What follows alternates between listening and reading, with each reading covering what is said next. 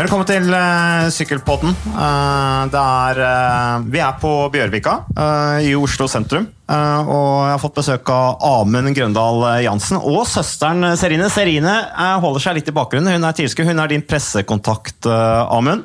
Du er tross alt proffsyklist, så du må ha med deg ansvarlige som passer på at du ikke sier noe gærent.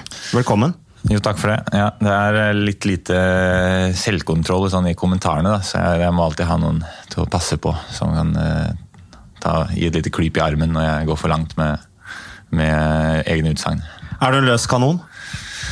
Nei, det Jeg ser jo Jeg vet ikke helt. Men eh, vi har akkurat hatt noe sånn der, Det er jo veldig i vinden da, med sånne personlighetstester og sånne ting, som vi akkurat har gjennomført også med, med laget vårt, for å se hvordan vi hvordan vi er skrudd sammen i topplokket. Eh, og Da kom jeg ut med null i score på emosjonell kontroll. Gjorde du det? Ja, så eh, så jeg er kanskje en, en, slags, en slags løs kanon i gitte situasjoner.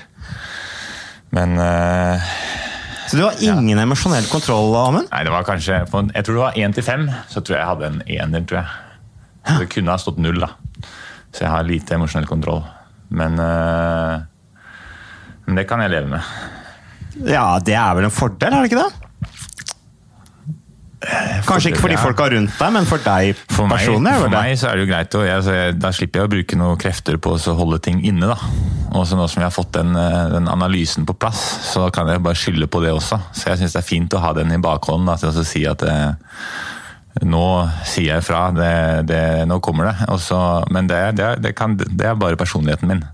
Så det er, noe, det er ikke noe man kan eh, det er ikke noe man kan bli oppgitt av. Eller, jeg har jo ingen selvkontroll over det.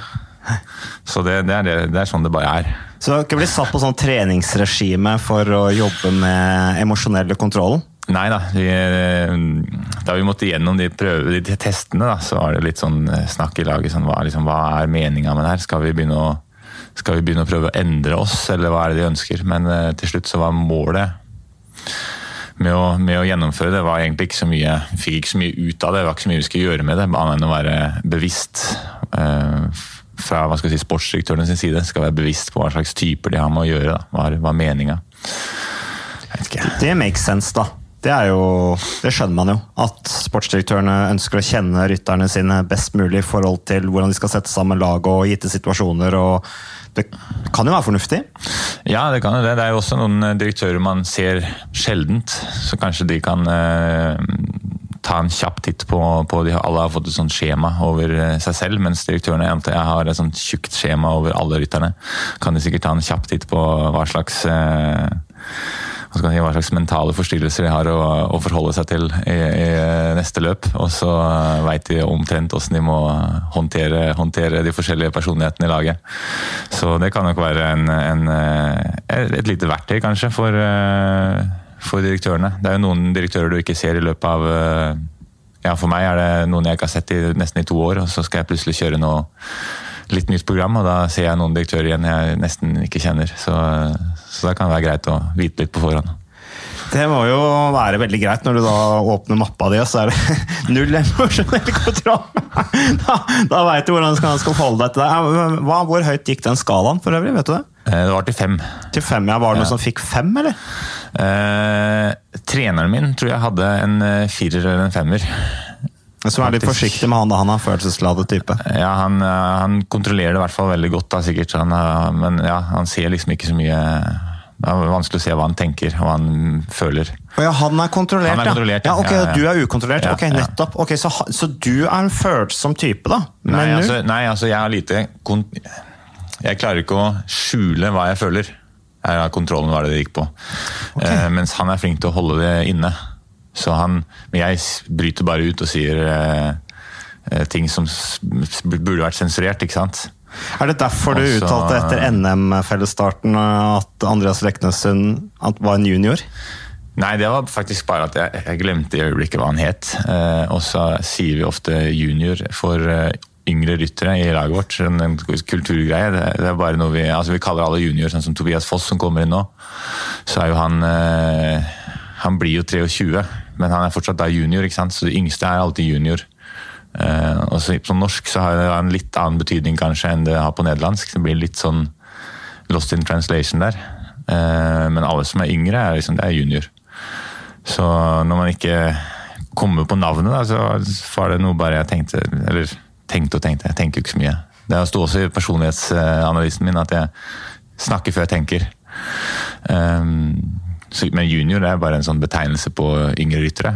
Ja, du sa, men du sa det ikke for å provosere, du bare husket ikke akkurat der og da hva Andreas Leknessund het? Uh, ja, det stemmer faktisk. Det stemmer. Uh, det var ikke meninga å provosere, selv om, uh, selv om det nok kunne bli oppfatta litt, litt, provokativt. så var det ikke det som var, som var tanken bak det. Men er det ikke litt moro å provosere litt òg? Skyte litt fra hofta? Jo, jeg syns det er litt moro å skyte. Det er jo, eh, idrettsutøvere er jo ofte kjedelige folk, da. Eh, jeg syns ofte det er litt sånn nitriste intervjuer iblant. Men kanskje spesielt med sånn litt sære idretter. Sånn langrenn, orientering, tror jeg. Sånn, det, er, det, er mye, det, er, mye, kjedelige folk, tror jeg. Jo mer sært det blir, jo, jo, jo kjedeligere blir folka. Så man må ha litt uh, man kan ikke bare stå og si selvfølgeligheter. Nei, men det er uh, artig. Jeg hadde egentlig hatt det som siste punkt på den her, liksom, hvis vi kom fram til akkurat det. Men det var jo litt artig det der du sa der, sammen med personlighetstester og greier. Vi skjønner jo at uh, Jumbo Visma jobber veldig helhetlig da, med det du sier nå. Uh, ja, de prøver å snu de steinene som, som er både store og små, kan du si, som, som det går an å snu. Så det både nyttige og unyttige steiner som snus. Men eh, det er, fall, det er, i hvert fall ikke noe som blir liggende til tilfeldigheter. Men strammer de til litt ekstra nå, eller? Det har skjedd noe greier med, med budsjettet, i hvert fall. Eh, som gjør at de har mulighet til å stramme skruen litt til på, på en del områder. Og så er det Ja, det er nok kanskje litt med at man ser muligheten til å til å virkelig ta et steg inn i, inn i et celebert selskap blant de aller, aller beste lagene. Som, som, som, kanskje gir en ekstra piff, da. Så budsjettet har økt fra Eller øker i 2020? Ja, i hvert fall fra det må jeg, det gjøre med Tom Dummerlær blant annet på laget? Også. Ja, eh, fra da jeg kom inn så har det økt betraktelig, vil jeg si. Bare Uten at jeg har tallene, så bare på måten, måten ting skjer på og hva man Eh, ja, hva man har av muligheter. Da. Eh, da jeg kom inn, så var det ryttere som reiste på høydesamling på egen regning når de skulle forberede seg til giroen eller noe. Mens nå er det rom på både Sierra Nevada og Tenerife som bare er booka et år i forveien og står der. Som man kan bruke omtrent som man, eh, som man selv ønsker via, via laget. Da. Sånne ting, sånne detaljer som når du, har, når du har midlene til det, da, så er det fint å gjøre det. Mens Tidligere så var det mer at eh, ja, man måtte betale lønna til rytterne, og så måtte man ha noen standard samlinger og så prøve å få det til å gå rundt. på en måte. Det har jo vært en enorm utvikling med, med det som en gang het uh, Lotto NL, som nå altså heter nå Jumbo Visma. Og Jeg hadde jo podkast med Øystein Moan, CEO i, i Visma, uh, for noen uker siden. og Da spurte jeg han jo, når Tom der kommer inn på laget, om de sponsorene da måtte ringe, ta en ringerunde til hverandre for å få dette budsjettet til å gå opp. Så han uh, sa vel litt mellom linjene at det var, var tilfellet. og de virker jo motivert nå for å, å ta inni oss. Eh, du får ta og knekke deg en eh, Munkholm fuktig IPA, Amund. Uten alkohol, riktignok, som jeg har satt fram til deg. Hashtag reklame. Ja, jeg, vet ikke engang om TV2 er sponsa av eh, Munkholm, men den sto nå her, så jeg ja. må jo servere gjestene et eller annet. Nå er jeg i hvert fall på den trygge siden. Du er helt klart på den trygge siden. Jeg har tatt meg en sjøl, men ganske god faktisk. Det er jo snart jul, så vi må jo kose oss litt. Skål. jo, skål. Hvordan er julefeiringa for Amund Grønlandsen? Hvordan skal du feire jula, forresten? Um, nei, nå uh, ble det en kort julefeiring i Norge. Kortere enn de siste åra. Uh, rett og slett fordi jeg ikke orka å reise med sykkel. Jeg har blitt lei av å reise med sykkel. Så uh, jeg har ikke med meg noen særlige treningsverktøy. Så da blir jeg bare værende til den 26. på morgenen. Reiser jeg tilbake igjen til flyet til Barcelona, og så er det opp til Andorra. Vi har noen langrennsski stående. Eh, så blir jo Det ser surt ut uh, utafor her vi sitter nå, det er i Oslo. I Oslo-gryta. Ja, det er grått. Så, uh, men det er noen løyper som er kjørt opp rundt i området, opp og, opp og nes i, hva skal man si, i kjøreavstand med, med bil. Så det blir kanskje en skitur eller to. Så har jeg en eh, eldgammel eh, sykkelcross stående. Eh, som jeg kjøpte da jeg var eh, 15. Og siden har jeg nesten ikke vokst. Eh, så, så, den kan jeg faktisk sykle på fortsatt med noe piggdekk på. Så kan jeg ta en tur eller to ute mens, mens jeg er her. Så det er treningshjula, kan du si. Og så er jo julefeiringa bare med familien. Litt brettspill, litt, eh, litt innetid. Og mat og, og, drikke. Ja, Så du planlegger å koble litt av, og ikke, det er ikke treninga som er det vesentlige nå de dagene du er i Norge? Nei, eh, nei. så eh, forrige uke var jeg på samling i Girona. Og da var det nok trening til to uker på en uke, da. Så da kan jeg ta en liten, et lite hvileskjær i jula. Det var hardkjør? Det ble i hvert fall Det var ikke, det var ikke helt uh, ufors, uforstandig, eller hva heter det? Det var ikke uforsvarlig. uforsvarlig. Det var ikke helt uforsvarlig hardkjør, men det, det blei nok. Så uh, det er nok til å hvile litt ekstra nå. Og så få, en, uh, få slappe av litt i jula. Og så er det Det koster mer enn det, det smaker, tror jeg, med å, å, reise ut i det været som er nå og sitte på sykkelen i fem timer. Da tror jeg ikke du blir ikke så mye bedre av det enn å sitte på sykkelen i tre timer eller to timer. Nei. Eller på sofaen. Sannsynligvis ikke. Apropos trening, eh, du får jo endringer i programmet. Det har jo vært mye, Nå har det vært denne samlingen, eller pressetreff, dere har hatt samling. Eh, det har vært mye oppmerksomhet rundt Jumbo Visma nå. Alle peker på laget, Jumbo Visma-laget som det laget som virkelig kan utfordre Inios, bl.a. i Tour de France. Dere har den best rangerte rytteren i, i verden med Primoz Roglic. Dere vant fire etapper i Tour de France. Dere kom på pallen i alle de tre tourene. Hvordan er, eh, er stevninga i laget, forresten?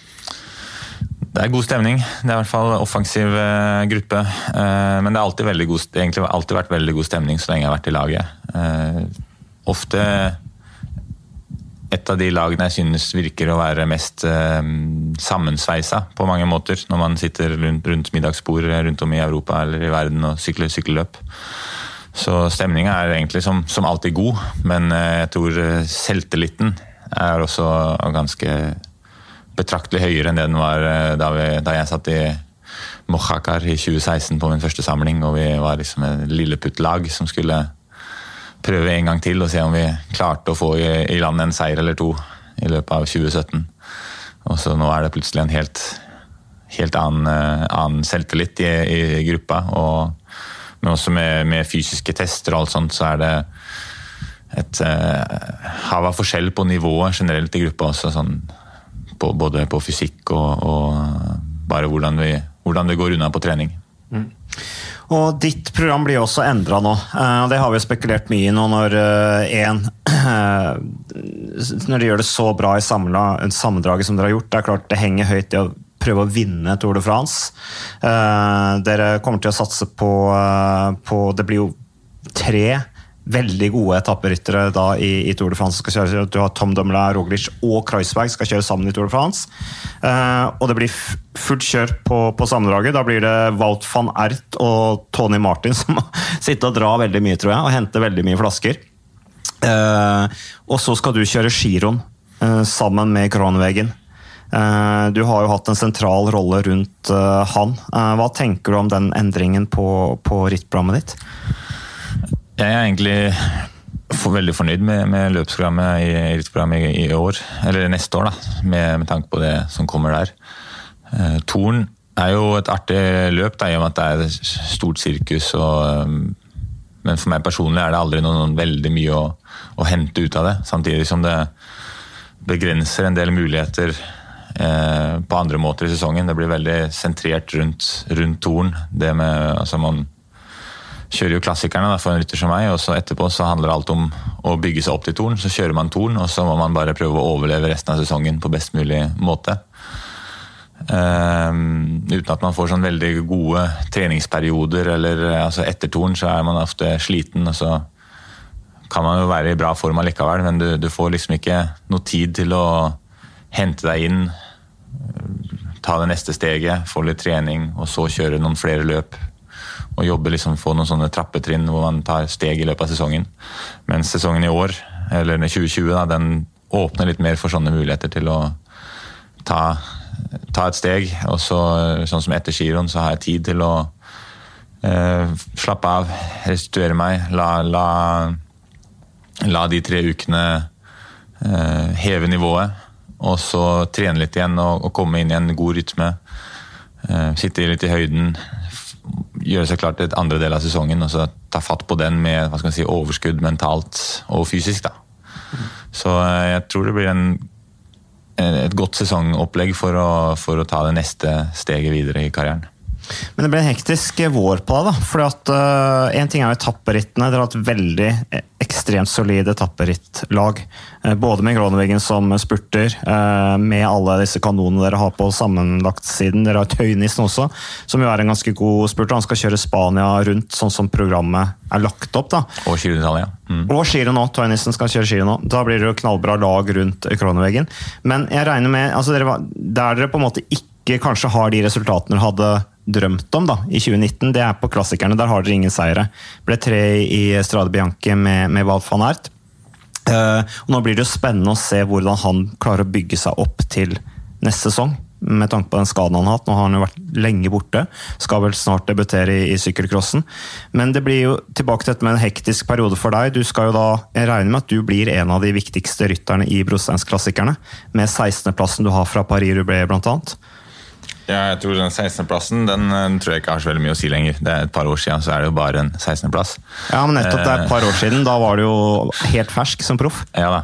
Så jeg har i hvert fall eh, de fysiske forutsetningene når jeg har vært i form, skal være der til å, til å prestere. Eh, og jeg hadde en god høstsesong eh, med en femteplass i London og i, og i Britannia, og kjørte for så vidt et greit VM også mot, mot den type ryttere. Så fysisk sett, hvis jeg klarer å holde det nivået jeg iblant har hatt i 2019, hvis jeg holder det i våren, så ser jeg for meg at jeg skal være konkurransedyktig mot de, mot de beste. Men hvordan, med treninga da, Gjør du mye endringer med treninga i forhold til hva du har gjort de to siste årene? I og med at det er den tydelige endringen på, på rittplanen med giroen?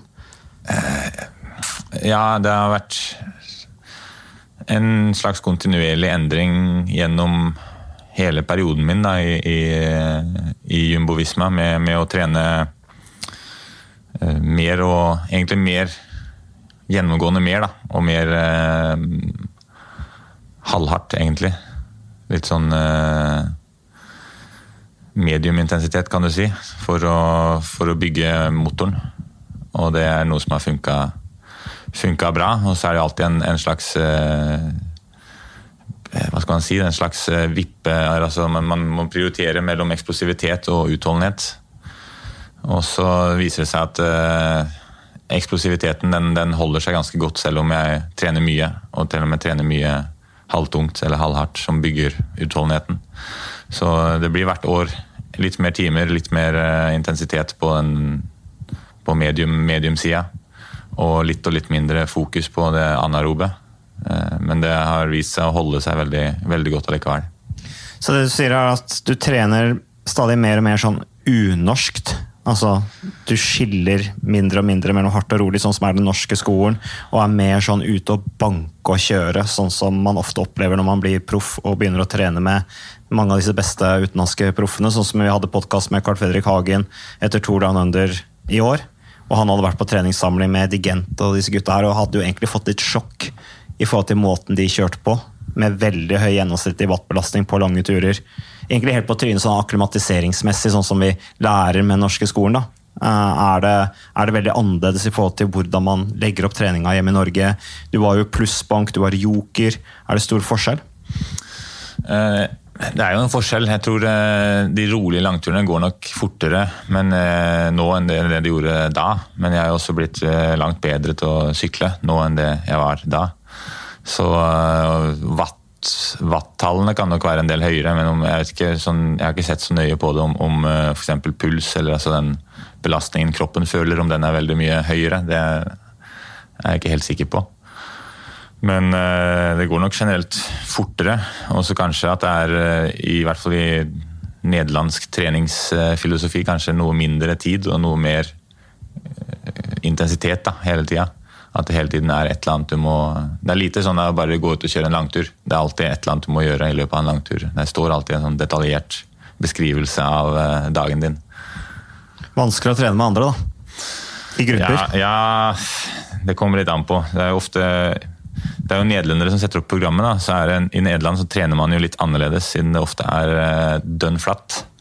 Så det står, alt som man skal gjøre, står jo på programmet. Mens i, i Andorra for eksempel, så er det så mye bakker at du kan dra ut, og så sykler du sant, en, eh, en bakke.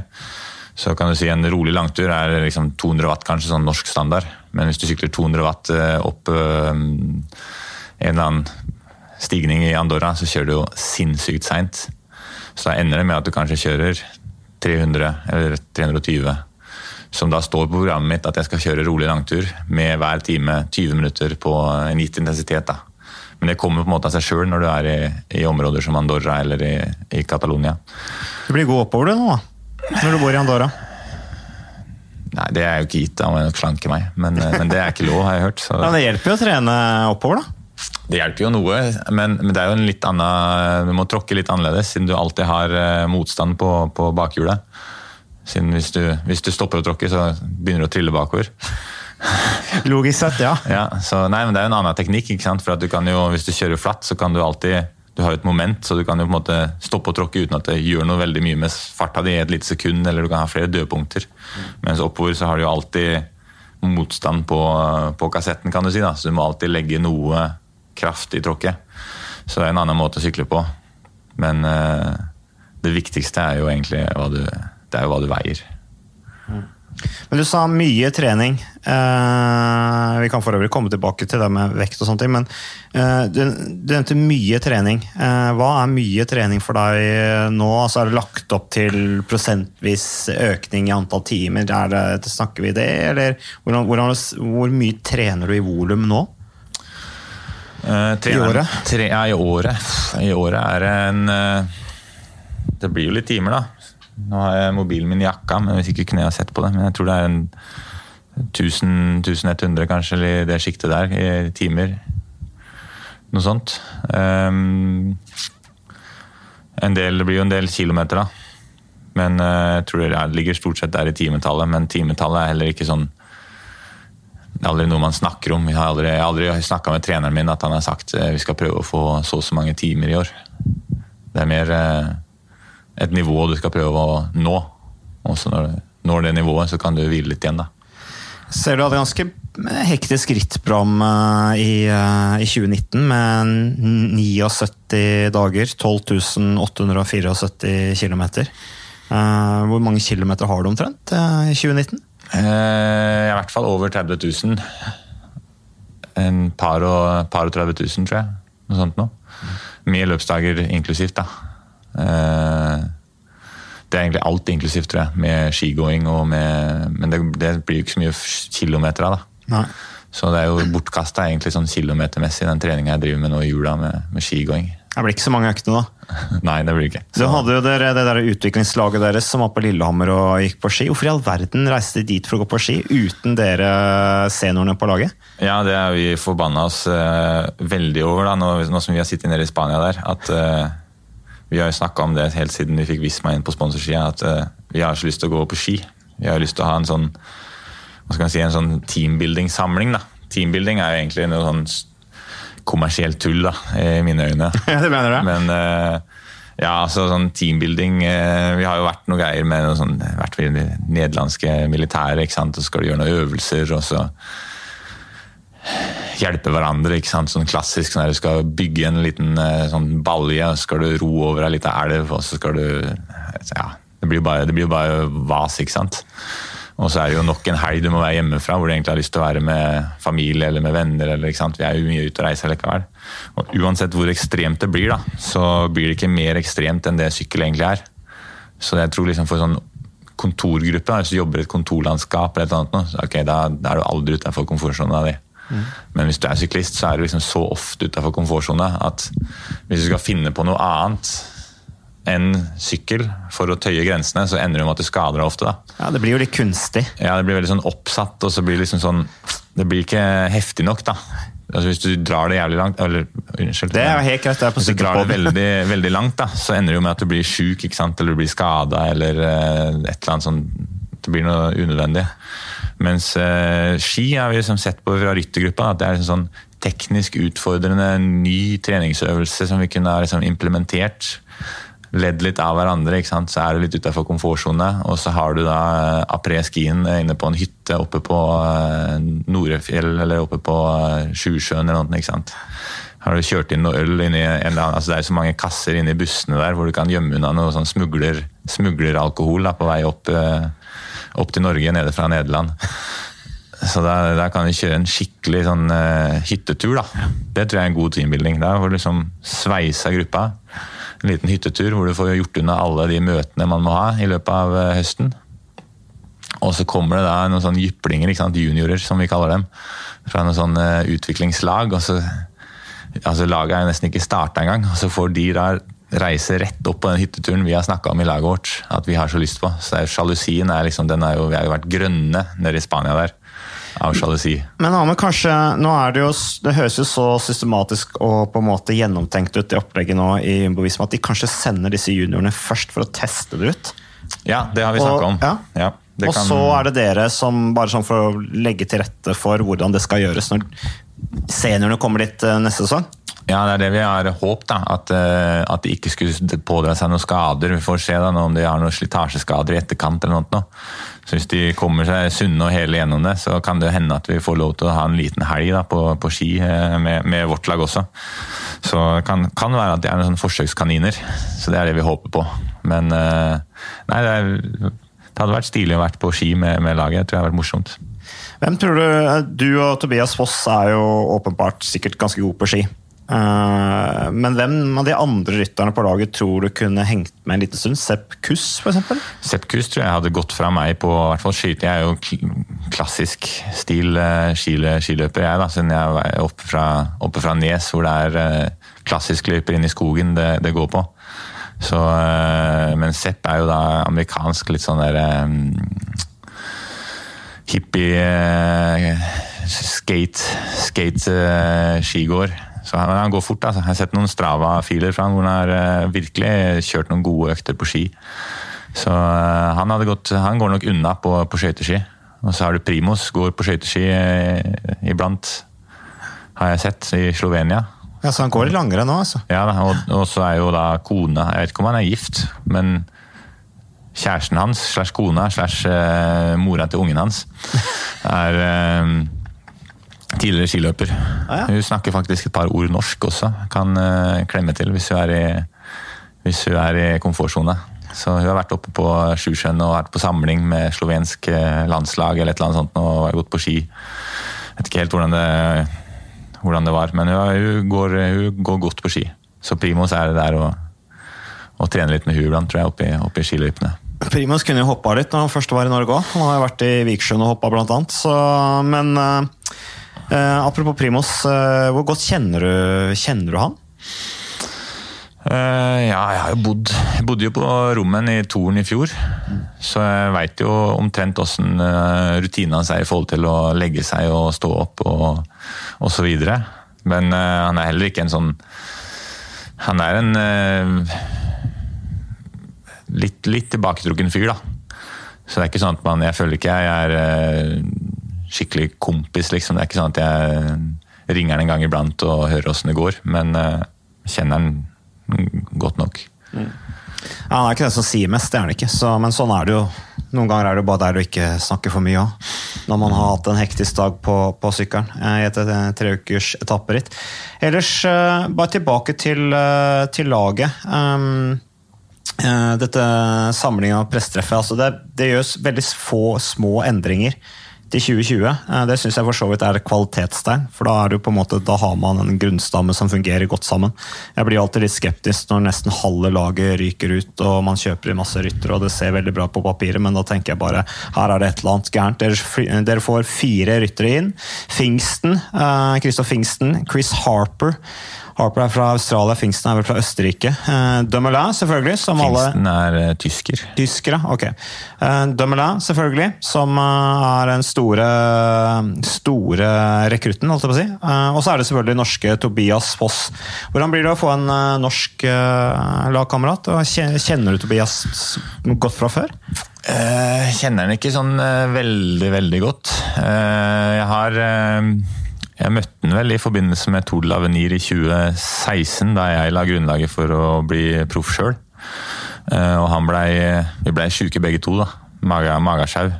Men han fikk det mye verre enn meg, så han reiste hjem ganske tidlig. Så det var en tre-fire dager der hvor, eh, hvor vi fikk tid til å bli kjent med hverandre, kan du si. Eh, og så har han vært på en samling eller to, to samlinger tror jeg, hvor, jeg har, eh, hvor han har vært og besøkt laget vårt, og jeg også har vært til stede. Så det er det jeg har av, av eh, kjennskap tidligere til den, da. Nå blir vi jo lagkamerater, men i litt forskjellige grupper, så vi ser nok ikke altfor mye til hverandre heller gjennom, gjennom året. Men det er jo artig at det er eh, flere nordmenn som kommer opp og fram. Han er jo definitivt eh, en bra mann. eh, og Det er jo sikkert betryggende for laget også at han vant Tour d'Avenir, for det henger jo ganske høyt eh, å vinne det sammenlagt. Første nordmann som, som gjør det også. Apropos det med en norsk lagkamerat, vi var inne på Visma og langrenn, og Visma som er norsk sponsor. Føles det litt sånn Føler du at statusen din som rytter på, på laget Den ville vel uansett vært bra, for du sykler jo fantastisk bra. men Føler du at statusen din som rytter i laget øker når dere også har en såpass betydelig norsk sponsor, da? Eh, som Visma, eh, som bidragsyter i laget? Føles det annerledes jeg etter at de kom inn? Nei, kanskje ikke annerledes. Altså, det er jo veldig stas at det er en, eh, en i utgangspunktet norsk sponsor. Men de de sponser jo også laget først og fremst for å markedsføre seg i andre land enn Norge. Så det er ikke noe sånn at jeg føler at jeg er blitt noen sånn frontfigur for, eh, for eh, en av lagets sponsorer eller noe sånt. Nå. Eh, Så det har ikke gjort noen stor forskjell på, kanskje på statusen i, i laget, tror jeg. Men eh, det er i hvert fall Men det er kanskje litt flere ryttere som er litt mer bevisst Norge og har mer lyst til å sykle de norske løpene. Syns det er morsomt å kjøre løp her når, når det er eh, norsk sponsor på drakta. Syns det er spennende. Syns det er interessant med, med, ja, med Norge. Uh, For deg som rytter, uh, du har hatt en uh, spennende utvikling, og du har jo egentlig gått hele skolen, holdt jeg på å si, med, du begynte som tolvåring omtrent, var det ikke det? På skole. Nei, altså, Skole har dere, har dere gått. eh, Nå er jo, dere snakka litt om det med, med, med søsteren din som, som sitter her, som studerer eh, medisin, at du forblir litt sånn der eh, har, har du noe utover videregående, Amund?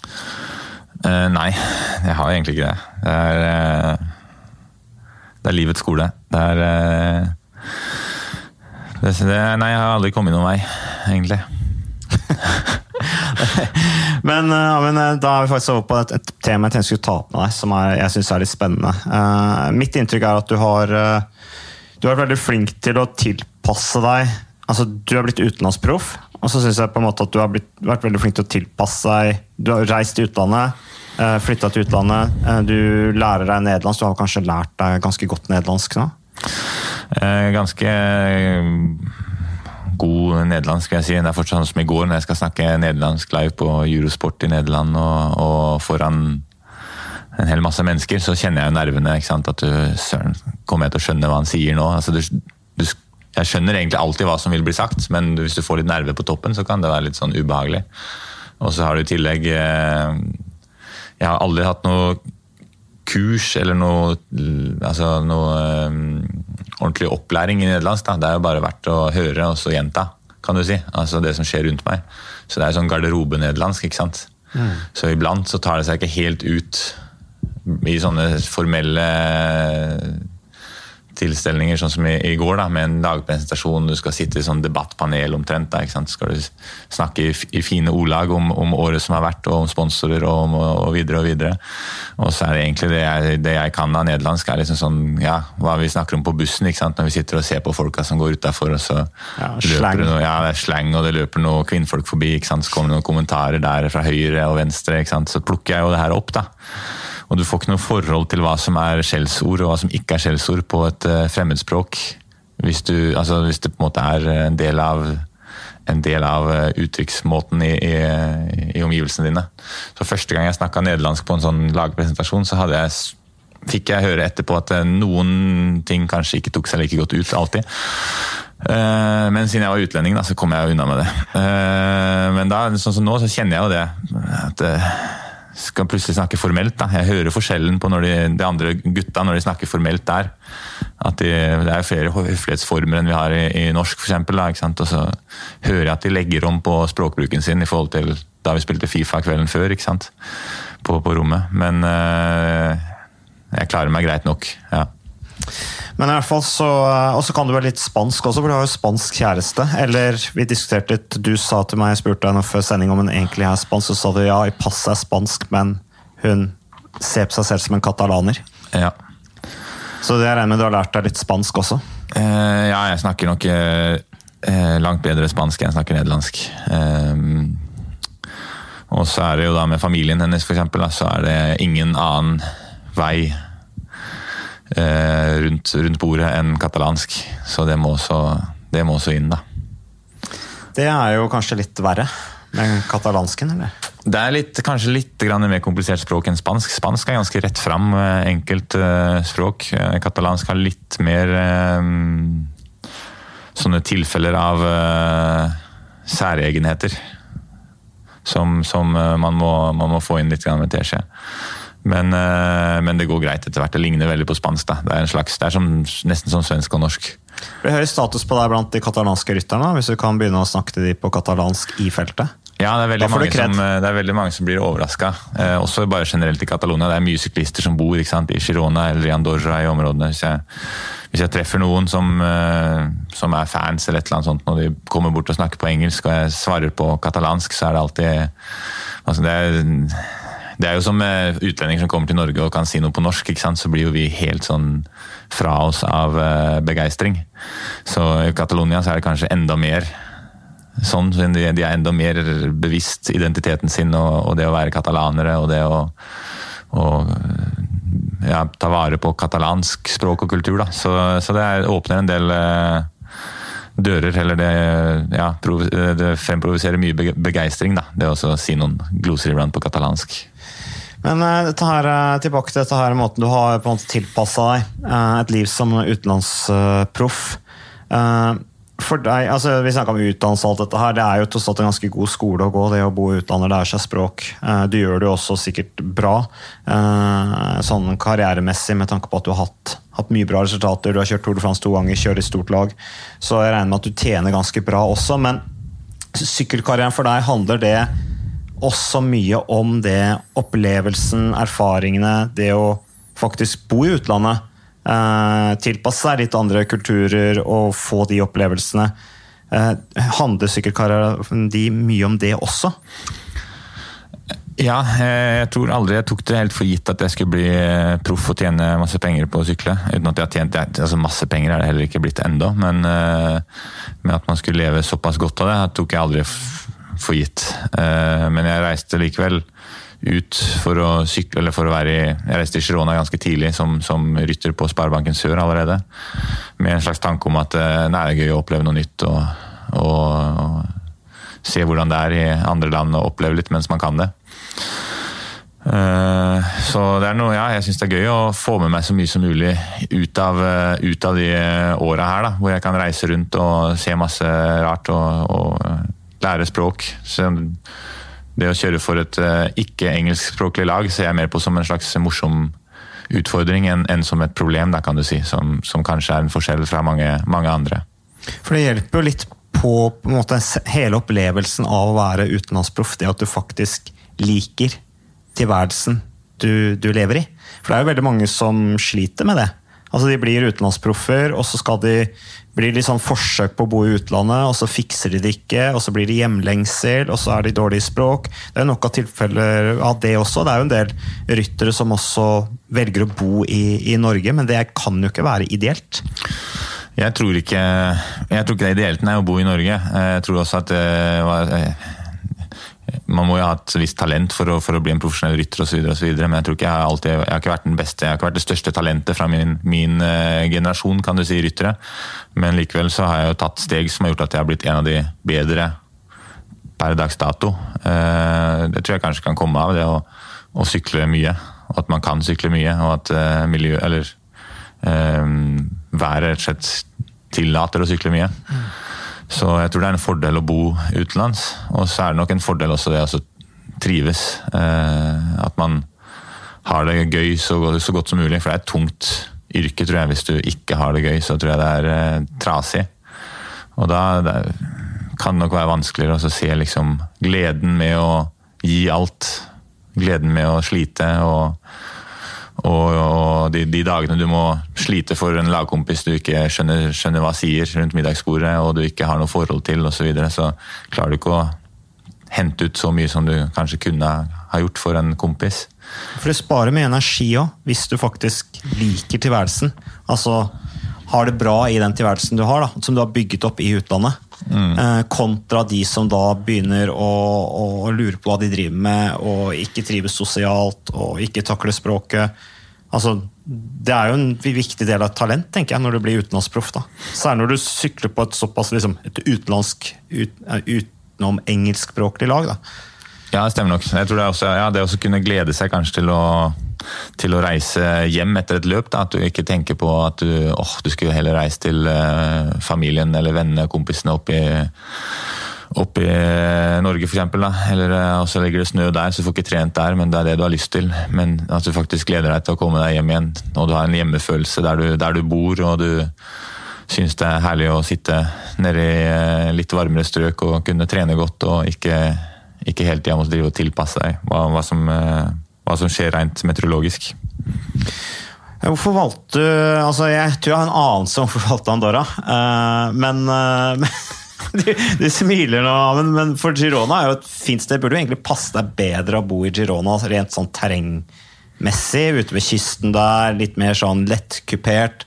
Nå er du inne i litt mer sånn mørkere dalen inne i Andorra med veldig høye fjell, som du sier du plutselig har måttet sykle mye oppover. Sånn for deg som rytter så ville det vel kanskje egentlig vært ideelt å bare holde deg i Girona, eller hva sier du? Eh, jeg, tror det, jeg, tror det, er eh, bra begge deler. Så eh, i Andorra så har jeg jo muligheten til å sitte mye høyt. Mm. Og kanskje få noe høydeeffekt. At det blir litt mer røde blodceller og litt, litt mer laktatbuffer av å sitte høyt lenge og mye. Og det er noe som har funka i mindre porsjoner er det noe som har funka veldig bra til tider. Uh, og så er det da noe med hva slags trening som funker for, for meg. da. At uh, mye trening på, på, litt høyere intensitet enn bare helt rolig, det er ganske gunstig, jeg har funnet ut. Og i, i bakken i Andorra så får du det veldig lett. da. Du slipper å konsentrere deg, du slipper å sitte og jage ute på flatene, ute på uh, i vinden, i vinden oppe mot, eh, mot Seré og, og, Perpignan. Du kan liksom sitte, sitte i bakkene der og, og tråkke, tråkke, på i endeløse stigninger, hvor du, hvor du bare får treninga på en måte litt av, seg sjøl. Jeg husker en gang Tore jeg var ute i steppene der uh, utenfor Girona. Hadde sykla fra Seré eller Perpignan på franske sida. Men så blåste det veldig opp. Og da måtte vi ringe til en kamerat for å kjøre ned. Så vi måtte ligge bak bilen, for vi kom oss altså Det var som å sykle bratt oppover. Fordi det blåste sånn. Så du er kanskje litt mer i ly av vinden i, i, eh, der du bor nå, også i Andorra? Nede i dalene i hvert fall. Oppe på toppene så hender det kan blåse litt. Men, eh, men det, er, det er en sånn det er voldsom vind iblant fra, fra Middelhavet ute, ute mot uh, middelhavskysten der nede ved Figueres og, og, det området der. Så det var jo gått på snurra en gang i, i vinden der, faktisk. Eh, to ganger, faktisk, i løpet av uh, tida mi der nede. En av dem var jo der hvor Kort Nilsen brakk krageveiene. I, det var vinden som bare sendte oss rett av veien med et lite vindkast. Så, så der kan det blåse heftig. Jeg er blåst av veien der nede sjøl, så det holdt på å lese her. Men ja. uh, vi var litt inne på dette her med, med trening, at du, du, trener mye spesifikk trening. Jeg hørte en uh, eh, podkast uh, eh, for et par uker siden, jeg husker ikke akkurat nå hvilken podkast det var, uh, hvor det var, de var intervjua noen amerikanere i NIS, noen av disse eldre amerikanerne som bor der. Og så snakket de om dagens unge generasjon ryttere, om hvordan de trente i forhold til hva de de litt eldre gutta gjorde. da. Uh, og at de sa at ja, dagens unge generasjon, sant, sånn som Rempo Evnepål og flere av disse andre yngre rytterne, kommer opp nå, de trener spesifikt hele tiden. De er aldri ute og sykler bare for å, å sykle. Uh, er det sånn med deg også? Nei, eh, nå, i Andorra trener jeg jo mindre spesifikt igjen. Hittil, I hvert fall hittil etter at jeg flytta dit, for det er jo litt vinter der. Så har jeg vært ute og gått på ski og sånne ting også som, eh, som blir veldig uspesifikt. Eh, og så er det jo de hva skal man si, mengdetreningsdagene, da, hvor liksom hovedfokuset er å ha mye tid i forholdsvis rolig intensitet. Så står det jo alltid noen sånne medium-intensitetsperioder innimellom. Så så ofte. Noen spurter her og der. Men da er det fortsatt sånn at jeg jeg gjennomfører det jeg, det jeg, må, kan du si, da. men jeg legger også opp til en rute hvor jeg sykler en runde. kan du si. Jeg sykler så lite som mulig opp og ned samme bakke, uh, sånn som noen gjør. Mm. Så jeg prøver å få si, en slags naturopplevelse hver, hver, trening det er mulig. Ja, Få litt tur ut av det. Ja, det er, tur er ålreit. Ja. Uh, men uh, hvem trener du sammen med når du er der nede? Det er jo stort miljø. Jeg tror det er over 50 proffere som bor i området. Stemmer det, eller? I, i Andorra, ja. Det er, eh, I banken min så, så, har de 45 tror jeg, proffer i Worldturen eh, som eh, bruker eh, samme bank. Så er det en annen bank som har tilsvarende, nesten tilsvarende antall. Så det er eh, et sted mellom, mellom en 70-80-90 ryttere, tror jeg, som, som bosetter seg i Andorra. Så det er mange, mange ryttere, da. Men det er jo så mye som man reiser rundt, ikke sant. Og så har du veldig mange australiere og, og, og amerikanere, søramerikanere, som bosetter seg der. For det er jo ikke EU-land. Så det er lettere å få oppholdstillatelse i Andorra enn det er i et EU-land. Uh, og så får du oppholdstillatelse i Andorra, så kan du likevel da reise fritt i Schengen. Så alt er ikke bare skatt? Uh, nei, det er for, Eller sigarett. Nei, det var tobakk. sigarer ja, til tobakk. Ja. Tobakk er veldig stort her, da. Så, ja. Men det er, nei, for de, for, de, som kommer fra overseas, som det heter, de, de, bruker ofte Andorra som en uh, god løsning for å få oppholdstillatelse i Europa. Det er bare å betale, så er det greit. Mm. Uh, ja, men Uh, bare litt kjapt, Vi skal snart gi oss nå, for vi har holdt på i, i tre kvarter. Uh, du har sikkert ikke handla ferdig alle julegavene ennå. Du sier at uh, du er ikke så veldig materialistisk eller er ikke så materialistisk i familien, så det er ikke det viktigste, og det støtter jeg deg veldig på. Sånn er det blitt hjemme hos oss også. Men, men dette har med Det har vært litt sånn debatt nå siste Utviklingen i norsk sykkelsport har vært veldig bra, men nå blir jo Tour of Norway avlyst. hva tenker du om det?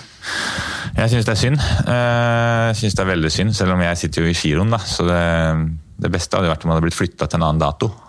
Men, eh, men, eh, det er jo kjempesynd at det ikke blir noe av det løpet. Så det mangler jo Det blir et stort hull i kalenderen da, til mange, mange unge lovende.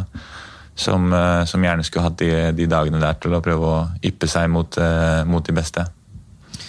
Uh, hammer uh, Det var vel knapt noe Hammer-ritt i år. Det var vel var bare Stavanger, var det ikke det? Bente vel oppe? Uh, Limburg kanskje også? Limburg gikk jo faktisk Det gikk det i år. Det var Stavanger og Limburg, så ble Hongkong avlyst pga. Av, demonstrasjoner. demonstrasjonene. Naturlig nok. Men uh, dere vant jo uh, Hammer i, i, Stavanger. Jeg husker ikke hvem som vant i, i Limburg. Ja, men du er vel litt sånn for, for programforplikta til å være positiv til Hammer, i og med at dere lagene er med og eier det sjøl. Men uh, hva tenker du om framtida til Hammer Series? Ja Ingen kommentar. Nei. uh, det er jo et vanskelig spørsmål, for jeg er jo veldig lite nøytral akkurat her nå. For at min arbeidsgiver har veldig tette bånd til, til, hele systemet der. Uh, og jeg syns Velon i seg selv, hele organisasjonen Velon, synes jeg er et bra tilskudd til hva skal man si, sånn konkurransehensynsmessig i sykkelsporten. At det er noen som utfordrer UCI litt på noen punkter, og at det ikke alt bare blir sånn gutteklubben-grei oppe i UCI. og, og liksom bare... Tour de France-arrangørene? Ja, for så vidt. Ja. Men det er, så jeg tror Velon er et fint tilskudd, mens Hammer Series kanskje er et slags eh, tiltak som må finpusses litt, kan du si. da. Eh, så den Hammer den formen det er i dag, tror jeg kanskje begynner å slå litt sprekker og se ut som at det ikke, ikke slår an sånn som de hadde håpet på. Men da må man jo tilbake til tegne, tegnebordet og se om man kan finne på noe, noe annet som, som slår, faktisk slår an. da. Så jeg tror, men jeg tror er serie hvor lagene selv er med og deler potten og arrangerer osv. kunne vært stilig. og Så er det spørs om det er Hammer Series eller om det er noe sånt. Det hadde vært stilig med bare endagsløp, vanlig endagsløp med hovedstader, f.eks. Hvis du har Hammer eh, Oslo er bare et slags VM fra 93, kan du si. Endagsløp hvor du kjører ut vanlig sykkelløp, og, og det er Veland som organiserer. Det tror jeg kunne vært en fin løsning. Uh, vi skal gi oss nå, som sagt, men uh, du gjør jo en veldig bra jobb som, som hjelperytter. Det har vi sett i Tour de France, også for Kronvegen. Du har på en måte hatt en rolle hvor du kunne bidratt på, på forskjellige for, for, for, hele laget, på en måte. men er det noen ritt i 2020 du veit du får frie tøyler? Ja, jeg får ganske mye frie tøyler egentlig i, i løpet av neste sesong. Så jeg kjører også egentlig mindre ritt, ritt med, med Dylan. Så eh, han er den som må betale kan du si, for, eh, for at jeg har egne ambisjoner. Så eh, i, i, løpet av klassikerne så er jeg alltid i en fri rolle. Eh, hvor eh, klart Hvis Wout kommer inn i det siget han er iblant, så, så, er det han som er den store kapteinen, mens jeg og Mike Tønnesen er eh, litt sånn likestilte halvkapteiner på sida. Og så er det da Tireno og, og hvor jeg må egentlig i stor grad da holde meg til Dylan og gjøre, gjøre en hjelperytterjobb. Eh, mens ja, Dylan kommer jo antageligvis ikke til å kjøre hele giroen. Så da får jeg noen muligheter kanskje på tampen der hvor, hvor det, ja, Om en etappe skulle passe, så kan man jo håpe, krysse fingrene for det beste. Men vi får se. Giroen er ofte veldig baktung med tanke på fjell, så det kan hende det blir tungt allikevel. Lange etapper med fjell, men da tenker du at din sjanse er i brudd? Ja, hvis det, det hadde vært en uh, artig opplevelse det å kunne ha, en, ha, frie tøyler til å gå i de bruddene som gjerne går inn på slutten av en, uh, av en Grand Tour. I Toren har det aldri vært uh, noen åpning for å, for å, virkelig være med i de bruddene. For at vi alltid har hatt enten Steven eller Primos som har på en måte krevd litt oppmerksomhet i, i feltet. Og mens i giroen så er det ikke like strikt program, kan du si. Så da kan man kanskje se på mulighetene. Det blir spennende, Amund. Eh, så eh, det er ikke noe du har lyst til å si før du eh, reiser videre på julefeiring? Nei. Det er ikke noe du brenner veldig inne med? Nei, det er ikke det heller. Så, med, din, med din manglende impulskontroll? Ja, da må du på en måte først Først må du jo skape en situasjon da, hvor, jeg, hvor jeg ikke har kontroll lenger på følelsene. Sånn som er rett etter sykkelløp, f.eks.? Ja, det kan, det kan, uten at det skjer altså, altså alt så altfor ofte, eh, synes jeg, da. Men eh, ja, da kan det hende du får kommentarer som, eh, som som ikke har vært gjennom en sånn sensurprosess, kan du si. da. Men det er lov, det? Det er lov å si hva man uh, føler. Uh, og det er jo nådeløst i sykkelsporten med disse mikrofonene som kommer rett opp i trynet ditt akkurat idet du passerer målstreken, hvor du ennå ikke har fått ned pulsen, uh, og du er ganske sliten, og adrenalinet er oppe i nesten 100% Så tusen takk for at du stilte, Amund. Og så masse lykke til i 2020, og lykke til med med studiene dine, Serine, som har sittet her eh, tålmodig og hørt på hele seansen. Hun eh, ja, har full oversikt nå. Det er godt gjort. Det ja. Bare ta hatten.